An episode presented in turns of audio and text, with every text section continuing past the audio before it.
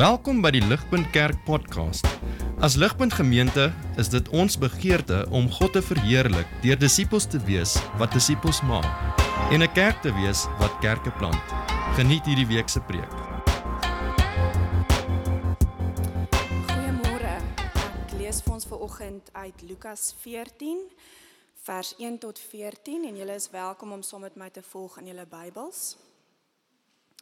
Hier is die woord van God. Toe hy op 'n Sabbat na die huis van een van die leiers van die Fariseërs gegaan het vir 'n maaltyd, het hulle hom fyn dopgehou. En kyk reg voor hom was daar iemand wat aan water sy gelei het. Jesus het vir die wetskenners en Fariseërs gevra: "Is dit toelaatbaar om op die Sabbat te genees of nie?" Maar hulle het stil gebly. Toe het hy die man geneem, hom gesond gemaak en hom laat gaan. Daarop sê hy vir hulle: "Wie van julle sal as sy seun of os in 'n put val, hom nie dadelik uithaal nie, selfs al is dit op die Sabbat?" Hierop kon hulle nie antwoord nie. Toe hy opmerk hoe die genooides die ereplekke aan die tafel uitsoek, het hy die volgende gelykenis vir hulle vertel. Wanneer jy deur iemand na 'n bruilofsfees uitgenooi word, moet jy nie op die ereplekke gaan sit nie. In geval iemand wat van groter aansien as jy deur hom uitgenooi is en hy wat hom en jou uitgenooi het, dan vir jou kom sê, maak plek vir hierdie man, dan sal jy met skaamte die verste plek gaan inneem. Nee, wanneer jy uitgenooi word, gaan na die verste plek sodat die man wat jou uitgenooi het, kan kom en vir jou sê, vriend, skuif nader. Dan sal jy aansien kry by almal wat saam met jou vir ete aanleen. Want elkeen wat homself verhoog, sal verneder word en wie homself verneder, sal verhoog word. Jesus het ook vir die man wat hom genooi het gesê: Wanneer jy 'n ligte ete of 'n groot maaltyd gee, moenie jou vriende of broers of familie of ryk bure nooi met die doel dat hulle jou weer op hulle beurt uitnooi en jy dan vergoed word nie. Nee, wanneer jy 'n feesmaal aanbied, nooi die armes, krepeles, verlamdes en blindes. Dan sal jy gelukkig wees omdat hulle niks het om jou mee te vergoed nie want jy sal beloon word by die opstanding van die regverdiges. Vriende, goeiemôre en uh, baie welkom is vir my ook 'n voorreg om vir almal welkom te sê en 'n klompie nuwe gesigte te sien. Dit is baie lekker dat julle vanoggend by ons is.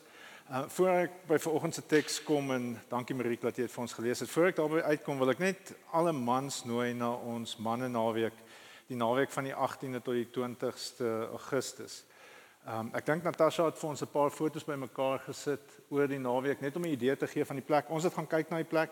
Dis regtig 'n lekker plek. Um die kos is goed, die omgewing is mooi, die verblyf is heeltemal aanvaarbaar. Um en die die naweek is een waar ons uh, ons gaan in die Bybel uit saam leer. Ons gaan probeer verstaan um hoe dit lyk om in 'n gebroke wêreld soos hierdie, 'n onderste bo wêreld soos hierdie te funksioneer as mans. Um En so ons gaan na die Bybel kyk, maar ons gaan ook baie tyd hê om met mekaar tyd te spandeer om ek dink baie van ons is bewus daarvan dat ons ons lewens is so besig dat ons nie eintlik gesonde verhoudings het met ander mans nie, baie van ons dink ek. En veral nie rondom die evangelie nie. Ons praat nie baie oor hoe God ons help om in hierdie wêreld te funksioneer nie. En so daai naweek is 'n naweek wat vir ons daai geleentheid gaan bied. Kom asseblief. Ehm um, nooi vriende, Die koste is R1200 vir volwassenes. Hierdie jaar is die eerste keer wat ons ons tienerseuns gaan saamnooi en so ehm um, daar's mense wat 'n bietjie ekstra gee wat dit moontlik maak vir ons om die prys vir die tienerseuns R500 te maak ehm um, vir dieselfde kos, dieselfde hoeveelheid kos, miskien selfs meer. Ehm um, maar ja, bring jou seuns saam, tienerseuns, hoërskoolseuns. Ehm um, dit is 'n uh, kom en kom ons vertrou dat God met ons sal werk oor die naweek en um, en nooi ander saam. Vriende, ek gaan vir ons bid en ek gaan vra dat God ons genadig sal wees. Ehm um, moenie laat die musiek of die kinders hulle plan nie, dit sal nie vir altyd aanhou nie, maar dis goed vir hulle om ook 'n klein gemeenskapie te wees wat God saamloop. Ehm um, maar kom ons vra dat God ons genadig sal wees soos wat ons by mekaar is vanoggend hier. Kom ons bid saam. Vader, ons dankie vir u getrouheid. Ons dankie vir die voorreg om vanoggend in u naam te kan vergader. Ons dankie vir die prentjie van die evangelie wat ons gesien het in die doop. ons dankie dat Jesus vir ons sondes gesterf het en dat ons nou na U toe kan kom met vrymoedigheid. Vader, ons vra dat soos wat ons ver oggend hier in Lukas 14 stil staan, wil ek vra dat U ons genadig sal wees. Sal U ons help om nie net woorde te hoor nie, maar U stem te hoor. Sal U ons help om eh, die die woord as spieël voor ons op te hou sodat ons onsself kan sien. En Vader, sal U ons help om nie ver oggend ons harte te verhard nie. Sal U ons sagte harte gee? Sal U ons harte van geloof gee en sal U ons versterk en verdiep in die geloof soos wat ons ver oggend hierso na U stem luister uit die woord uit. Ons vra dat U ons nie ver oggend onveranderd hier sal laat uitgaan nie. Ons pleit dit by U in Jesus se naam. Amen. Vriende in die in die 1800s het hulle ehm um, was daar 'n gold rush in Amerika gewees en ehm um, daar was soos wat dit nou maar is, was daar 'n klomp ouens wat met met uh, plannetjies vorendag gekom het. Daar was ouens wat wat vals goud wou verkoop het as ware goud. En ehm um, toe moet hulle 'n plan maak en toe het hulle 'n toets ontwikkel wat met sekerheid kan sê of iets goud is of nie.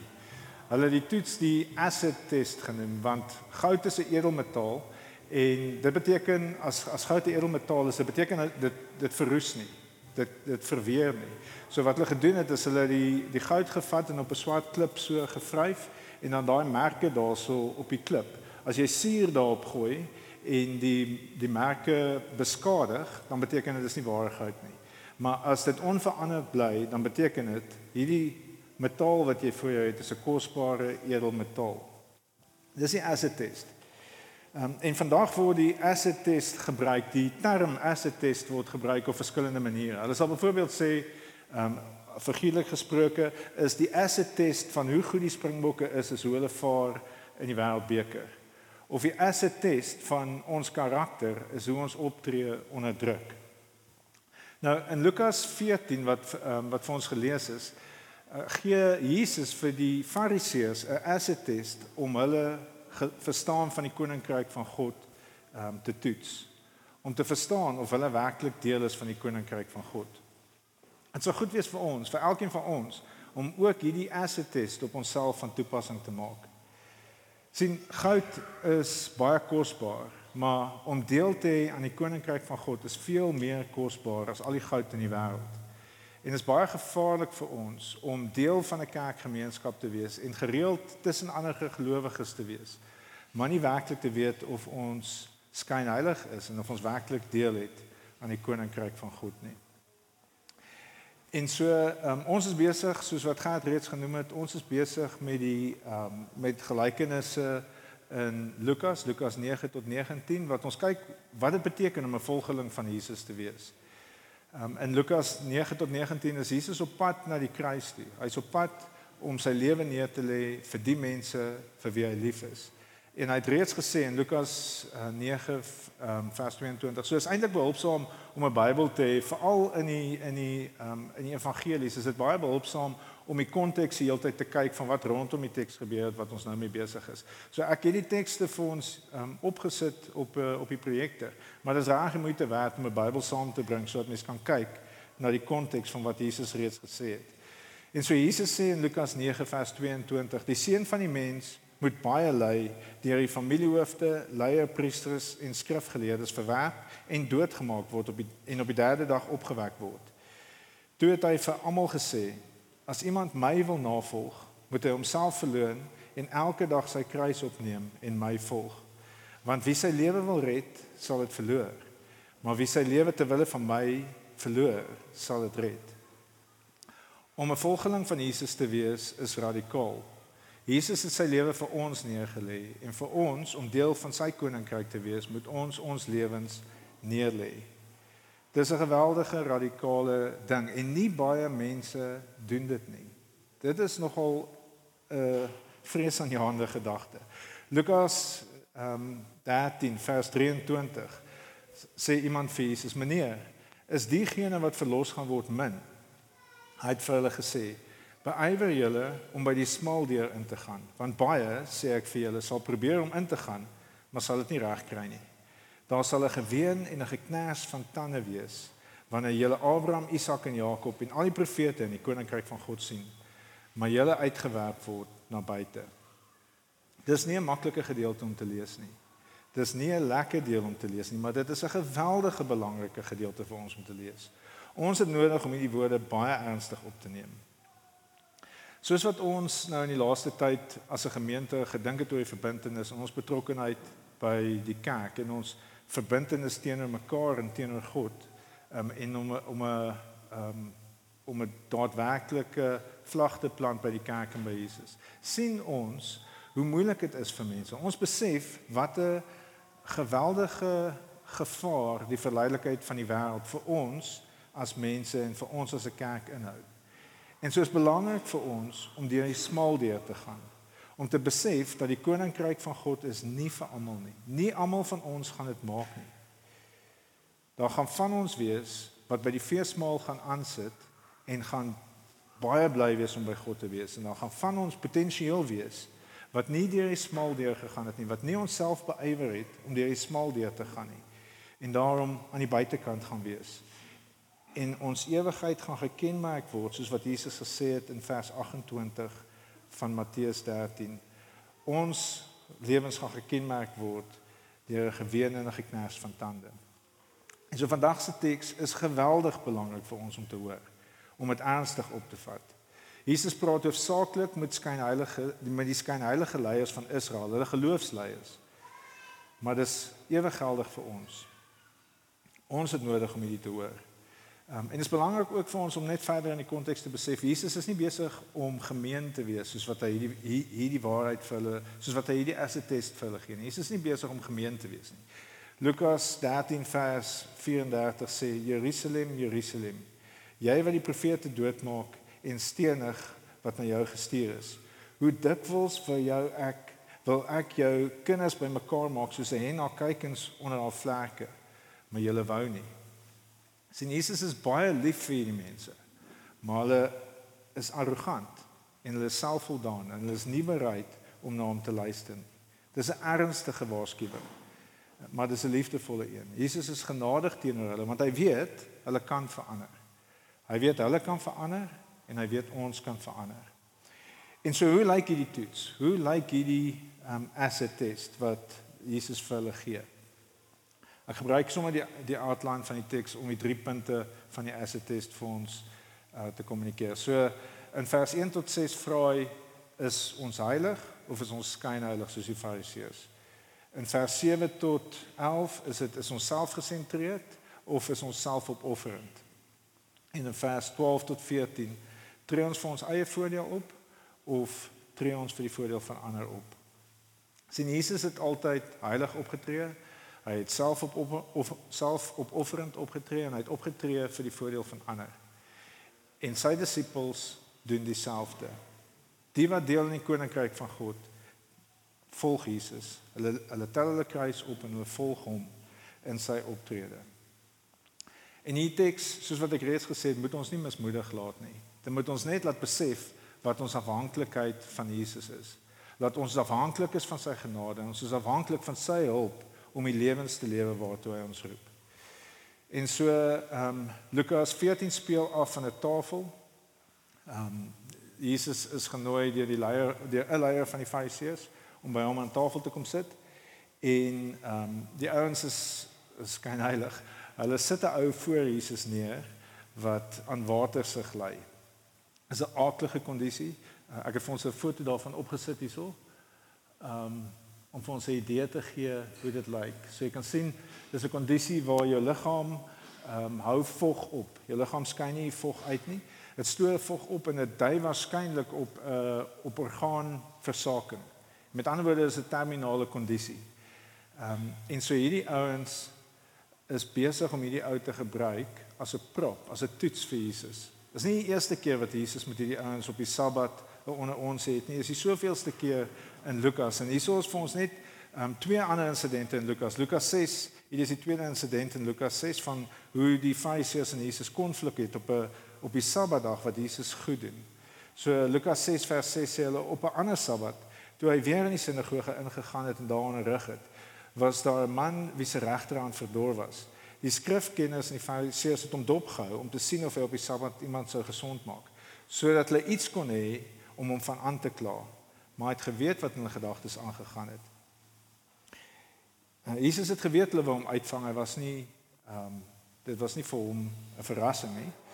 Ehm um, maar vers uh, en hy het maar voortgegaan en die ou gesond gemaak en dan sien ons in vers 11 van uh, hoofstuk 6 hoe hulle gevoel het daaroor toe Jesus die ou gesond gemaak het.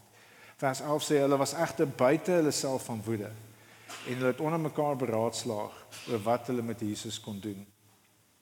En hoofstuk 13, die net voor ons maak Jesus 'n vrou gesond op die Sabbat.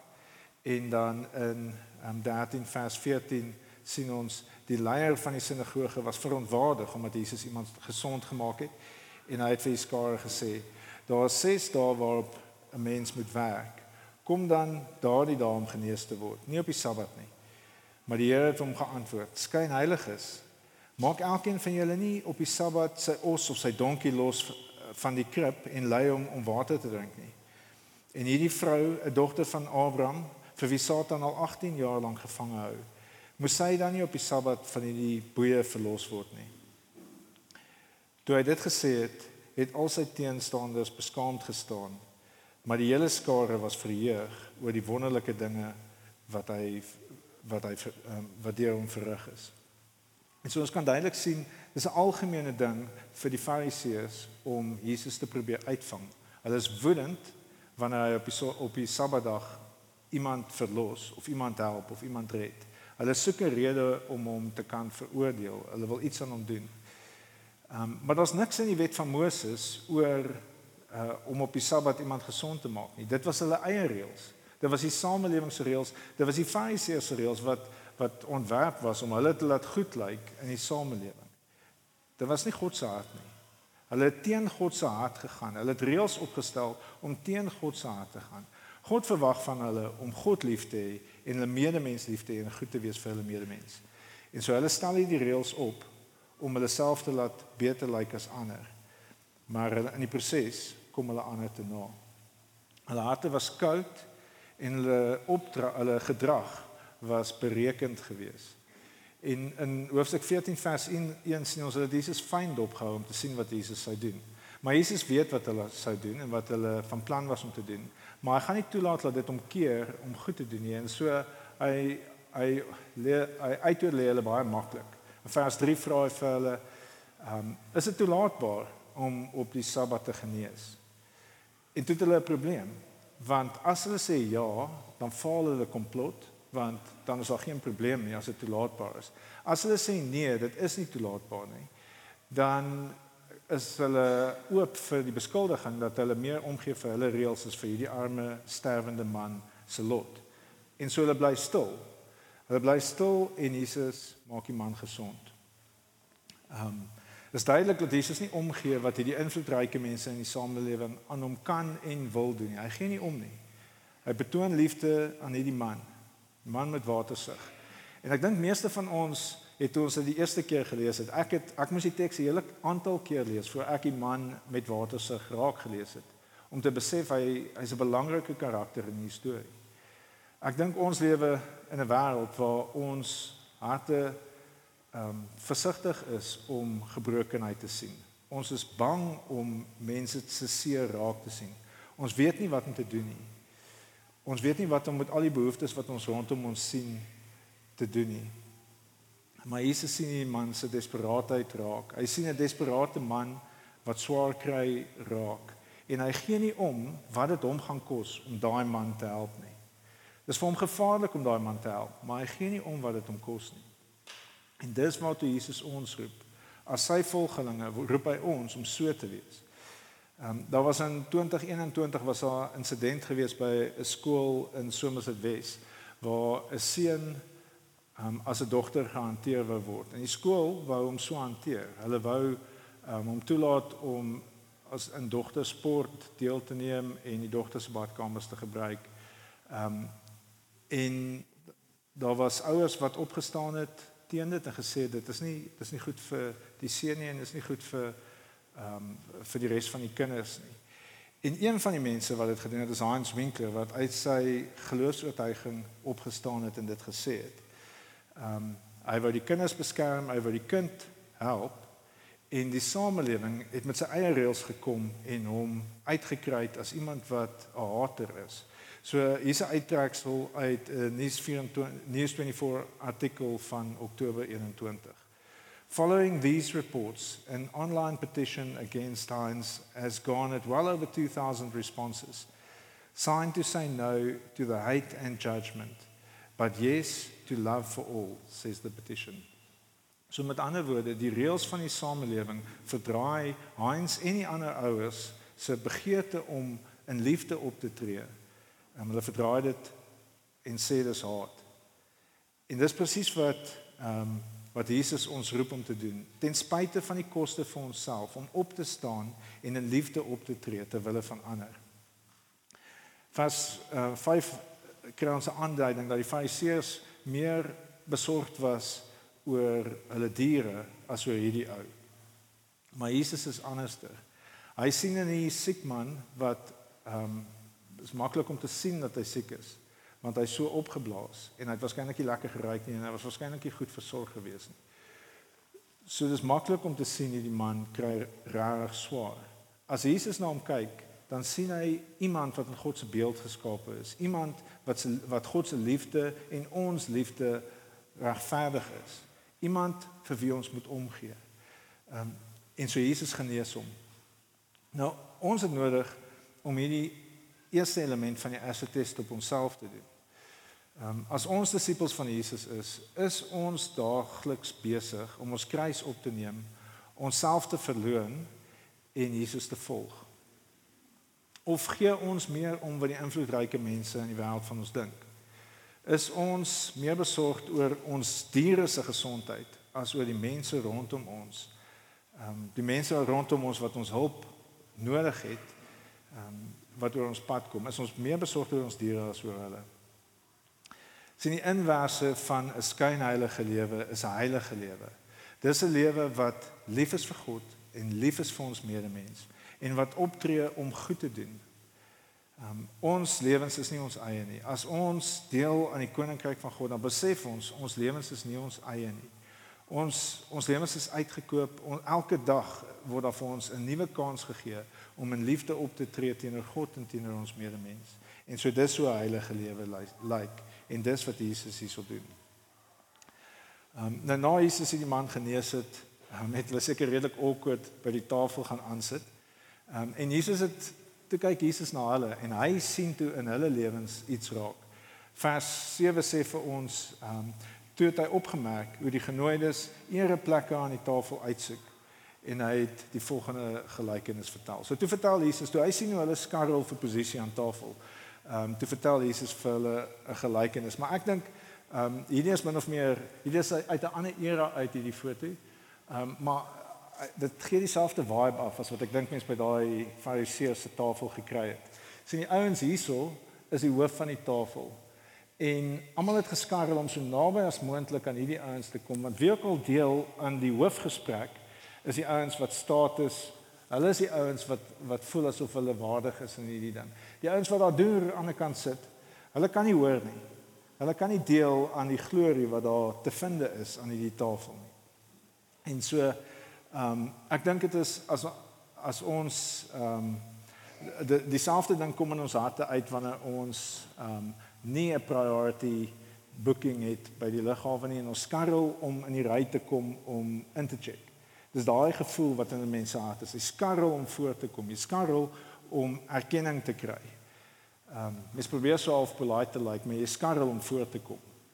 Nou, dis selfgesentreerdheid. En selfgesentreerdheid is iets wat ek dink in ons almal se harte is, maar selfgesentreerdheid is 'n geweldige gevaarlike geestelike kondisie. Dit is iets wat ons ons eie waarde laat opblaas in ons eie oë en ander mense se waarde in ons eie oë laat verminder. Arkent Hughes is 'n is 'n teoloog en hy skryf die volgende oor hierdie postuur wat by hierdie ouens se harte aan die gang is en wat by ons baie keer aan die gang is.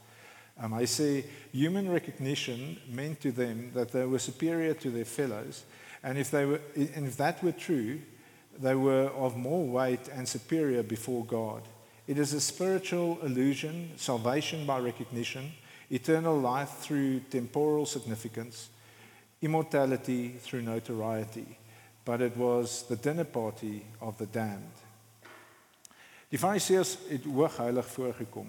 Hulle het waarskynlik hulle small talk voor hulle gaan sit. Dit was waarskynlik oor die um, oor God en sy karaktereienskappe en hoe hy Israel verlos het uit slawerny uit.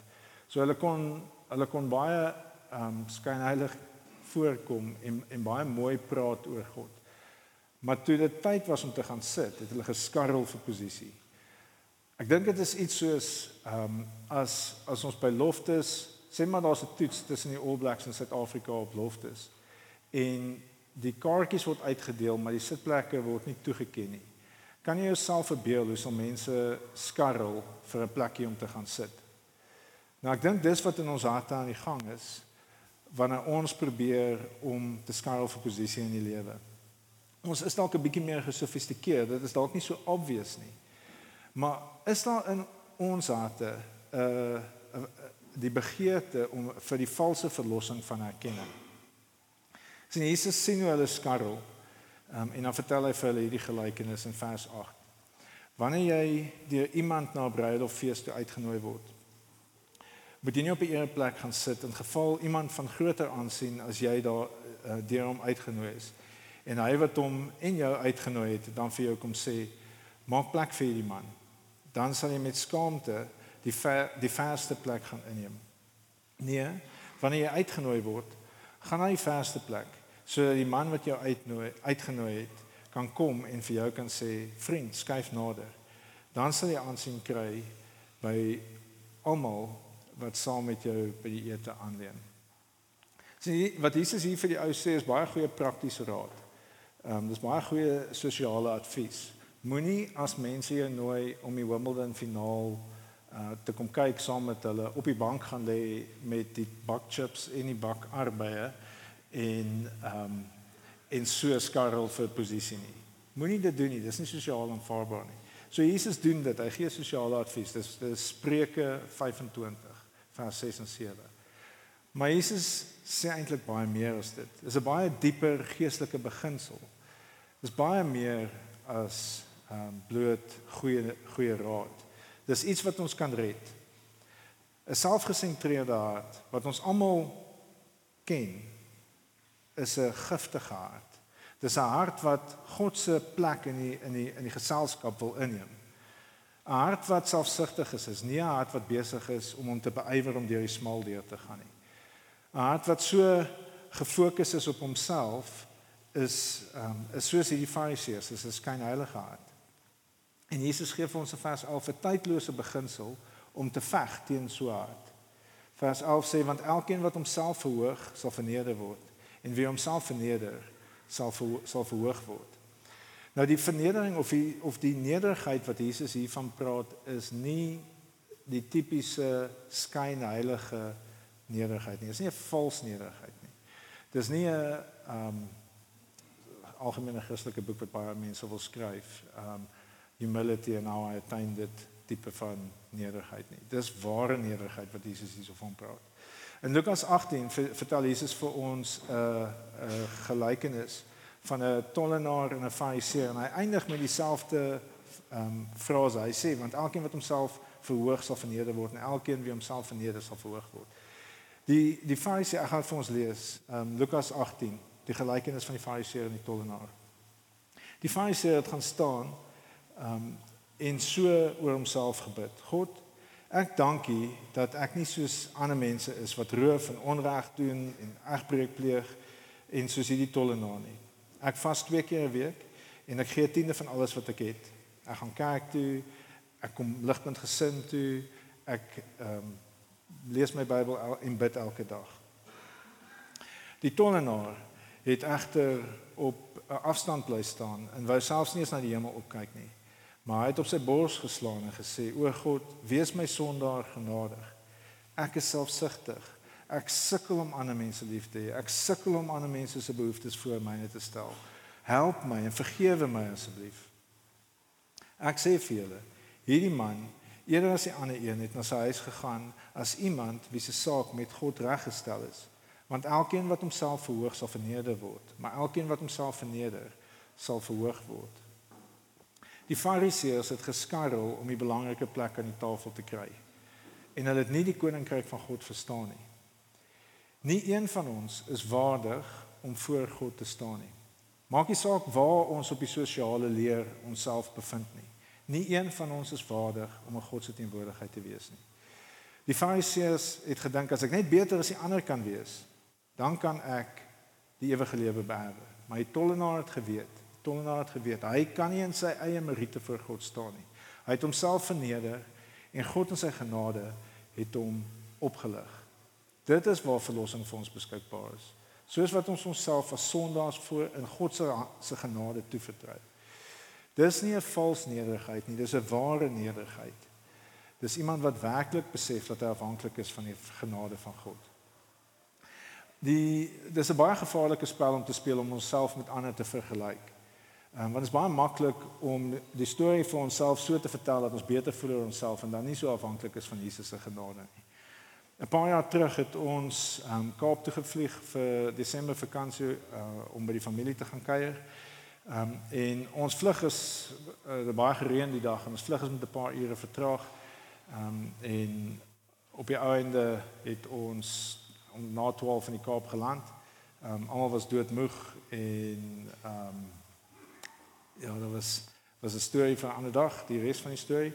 Maar die vliegtuig het toe geland en almal het opgespring en as ek met eerlik wees, het ek ook redelik vinnig opgestaan en ek het my voete in die gangetjie gekry en uh, my laptopsak aangekry en ek het opgemerk uit die hoek van my oog uit dat daar 'n vrou is wat van agter af mense uit die pad uitstamp en afgestap kom met die um, met die met die paadjie.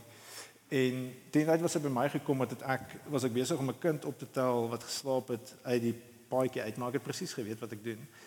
Ehm um, en dit sê my eers twee keer geskop en toe ek opstaan, toe slaan sy my met haar tas oor die kop En toe trek Willem my in haar rytjie in en die vrou is verby en die res van die vliegtuig het mooi oopgemaak vir haar. En sy het voor gaan staan. Ehm um, en sy daar voor gaan staan en wag en saam met die res van ons is sy van die vliegtuig af. Ehm um, nou die dit was vir 'n groot mens was dit die aardigste een van die aardigste selfgesentreerde optredes wat ek nog gesien het. Ehm um, maar sy was minstens eerlik en sy het verseker sy het verseker gedink en haar oomblik haar behoeftes is meer belangrik as die res van die vliegtuig se. Ehm um, of ten minste dis hoe my fariseer hart na haar optrede wil kyk. Sien jy rede hoekom daai insident my plaas nie omdat sy my geslaan het met haar tas nie. Ehm um, die die rede hoekom die insident my plaas omdat presies dieselfde ding wat in haar hart aan die gang was. Daai selfgesentreerdheid was in my hart ook aan die gang. Ek is skuldig aan presies dieselfde as waaraan sy skuldig was. Ek is net 'n bietjie meer skynheilig. Ehm um, en so as die as die evangelie in daai oomblik sterker in my hart gebrand het, kon ek meer deernis met haar gehad het. Ek weet nie hoekom sy van die vliegtuig af wou kom nie. Ek weet nie of sy 'n paniekaanval gehad het nie. Ek weet nie of haar kind baie siek was nie en of sy nou al so lank op pad is sy wil by hom uitkom. Ek weet nie.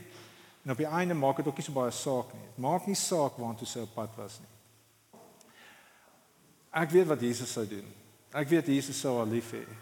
Ek weet Jesus sou haar lief hê ten spyte van die feit dat haar optrede um ongeskik voorkom om die minste te sê. En so dit is waartoe Jesus my roep. Ek besef die Gees oortuig my daarvan dat ek nie beter as sy is nie. Presies dieselfde ding het in my hart aangegaan. Ek het net 'n klein bietjie anders te opgetree, maar ek is op dieselfde manier diep afhanklik van God se genade.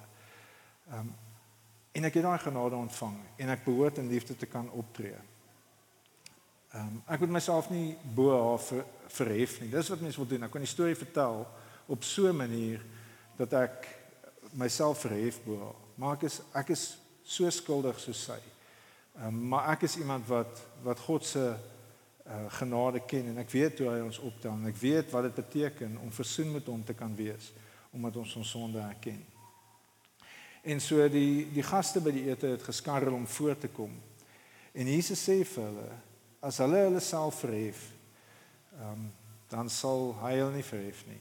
Maar as hulle hulle self verneder, dan sal hy hulle ophef. Derdens en laastens in vers 12 tot 14 praat Jesus met die gasheer wat hom uh, genooi het. Jesus sê vir vir die gasheer vers 12 wanneer jy 'n ligte ete of 'n groot maaltyd het, moenie jou vriende of jou broers of jou familie of jou ryk bure nooi met met die doel dat hulle jou weer op hulle beurt sal nooi en jy dan vergoed sal word nie. Nee, wanneer jy feesmaal aanbied, nooi die armes, krepeles, verlamdes, blindes. Dan sal jy gelukkig wees omdat hulle niks het om jou mee te vergoed nie. Jesus sê nie jy mag jou familie nooi nie. Hy sê nie ehm um, hy het in hy het in Lukas uh, 10 het hy by Lazarus en Martha en Maria gaan kuier en dit was dit was lekker vir hom. Ehm um, so mens mag jou vriende oornooi. Die probleem is as jy mense nooi wat iets vir jou kan terugdoen. As jy net mense nooi wat wat wat op 'n manier vir jou kan terugbetaal. Ehm um, mense wat deel uitmaak van die koninkryk van God verstaan dat God genadig teenoor hulle is. Hy het hulle na sy tafel toe genooi en so daar word van ons verwag om ander na ons tafel toe te nooi. En kyk, Jesus is baie spesifiek. Die armes, die krepeles, die verlamdes en die blindes. Die wat niks vir ons kan terugnooi doen nie. Dis hoe dit lyk om die, om jouself te beywer beywer om deur die smal deur te gaan. Ehm um, die koninkryk van God is ehm um, is vir mense wat besef hoe goed God vir hulle is. Hoe goed God elke dag vir ons is, hoe hy vir ons voorsien en hoe liefdevol hy teenoor ons is. Ehm um, en so God verwelkom ons aan sy tafel en daarom verwelkom ons ander aan ons tafel om God se liefde aan hulle te bewys. En so ons word gered deur geloof. Ja, dit is waar ons word gered deur geloof, geloof alleen, nie deur ons werke nie. Ehm um, maar ons geloof verander ons waardesisteem en ons geloof verander ons sosiale etiek. Ehm um, waar geloof in Jesus maak ons soos Jesus. As ons nie bereid is om ons huise oop te maak vir die uitgeworpenes van die samelewing dan moet ons onsself die vraag vra of ons werklik deel in die koninkryk van God. Ehm um, Arkent Hughes weer op hierdie gedeelte sê elitism om sosiaal ehm um, verhewe te wees bo ander. Elitism is indicative of selfish, proud, shriveled souls. Mag Here ons genadig wees. Uh, mag ons help dat hierdie nie vir ons radikaal klink nie. Laat dit vir ons normaal sal klink. Um, mag ons mense wees wat die aroma van Jesus verander is in die samelewing. Mag ons tafels plekke wees waar mense welkom voel, mense wat niks vir ons kan terugdoen nie. Gister se kinder gister se besoek by die kinderhuis klink asof dit 'n wonderlike geleentheid was. Ehm um, dit was goed vir my kinders om daar te wees. Ehm um, Boeta praat van die kindertjiehuis wat hy dink is amazing. Hy dink is 'n amazing plek as baie maatjies. Ehm um, dit was 'n baie goeie begin om uit te reik na mense toe. Maar die smal deur vereis meer van ons. En soos wat ons vanoggend um, voor kerk saam gebid het, die mense wat daar was gesê, daar's so 'n begeerte om meer te doen, om meer te doen vir iemand wat niks vir jou kan terugdoen nie.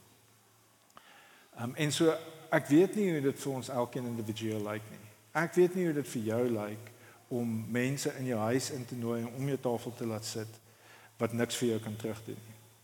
Um, ons het ons het onlangs het ons toevallig so 'n geleentheid gehad waar um, ons het ons seuns se uh, maatjies se ouers genooi om hulle bietjie beter te leer ken en toe het uh, twee van die families gesê hulle kan nie dit maak nie. Um, en toe sê ons vir die derde vrou kan ons kan ons uitstel na 'n ander keer toe. Toe sê sy asseblief nie haar seun sien nou al 2 weke uit vir hierdie braai gaan kom. Hy was nog nooit by 'n braai nie. Um, en so het hulle gekom en toe het ons die ma en die seun 'n enkel ma en 'n seun gehad vir 'n braai en dit was dit was 'n geweldige humbling ervaring om te sien iemand wat nie gewoonlik kan braai nie. Ons kinders hou nie eens meer van braai nie. Ehm um, want hulle sê ons doen dit te veel. Maar maar ehm um, ons kinders hou ook baie van aan tafel sit nie, maar vir hulle was dit 'n geweldige ervaring om aan tafel te kan sit en te kan stories te kan hoor en te kan ehm um, net om in iemand se huis verwelkom te wees is vir hulle 'n geweldige uh, belewenis gewees en dit is so min dit het ons so min gekos maar soos wat ons dit doen en soos wat ek die teks leef uh, lees besef ek Die tannie oor kan die pad, se man is laas jaar oorlede en ons het hom nog nie genooi om by ons te kom kuier nie. En die, die ouens oor kan die straat is van Hosea of iewers in Afrika en ek weet nie van waar af nie. Um en so die geleenthede vir ons is oral oor om omdat ons deel is van God se koninkryk, ons deure oop te maak vir ander en hulle in te nooi en hulle toe te laat om God se liefde te ervaar en in ons lewens te sien. Vers 14 sê Jesus, dan sal ons geseënd wees omdat hulle niks het om jou mee te vergoed nie. Want jy sal beloon word by die opstanding van die regverdiges. In 'n tyd en plek waar meeste mense hulle mure wil hoër bou en hulle buurte wil afboom, wat 'n wat 'n countercultural gedagte om mense nie net in jou buurt in te nooi nie, maar in jou huis in te nooi. Dit is wat Jesus ons roep. Dit is hoe dit lyk vir ons in ons tyd en plek om ons kruis op te neem, onsself te verloon en Jesus en sy mense eers te stel. Dis radikaal, maar dit behoort vir ons normaal te wees.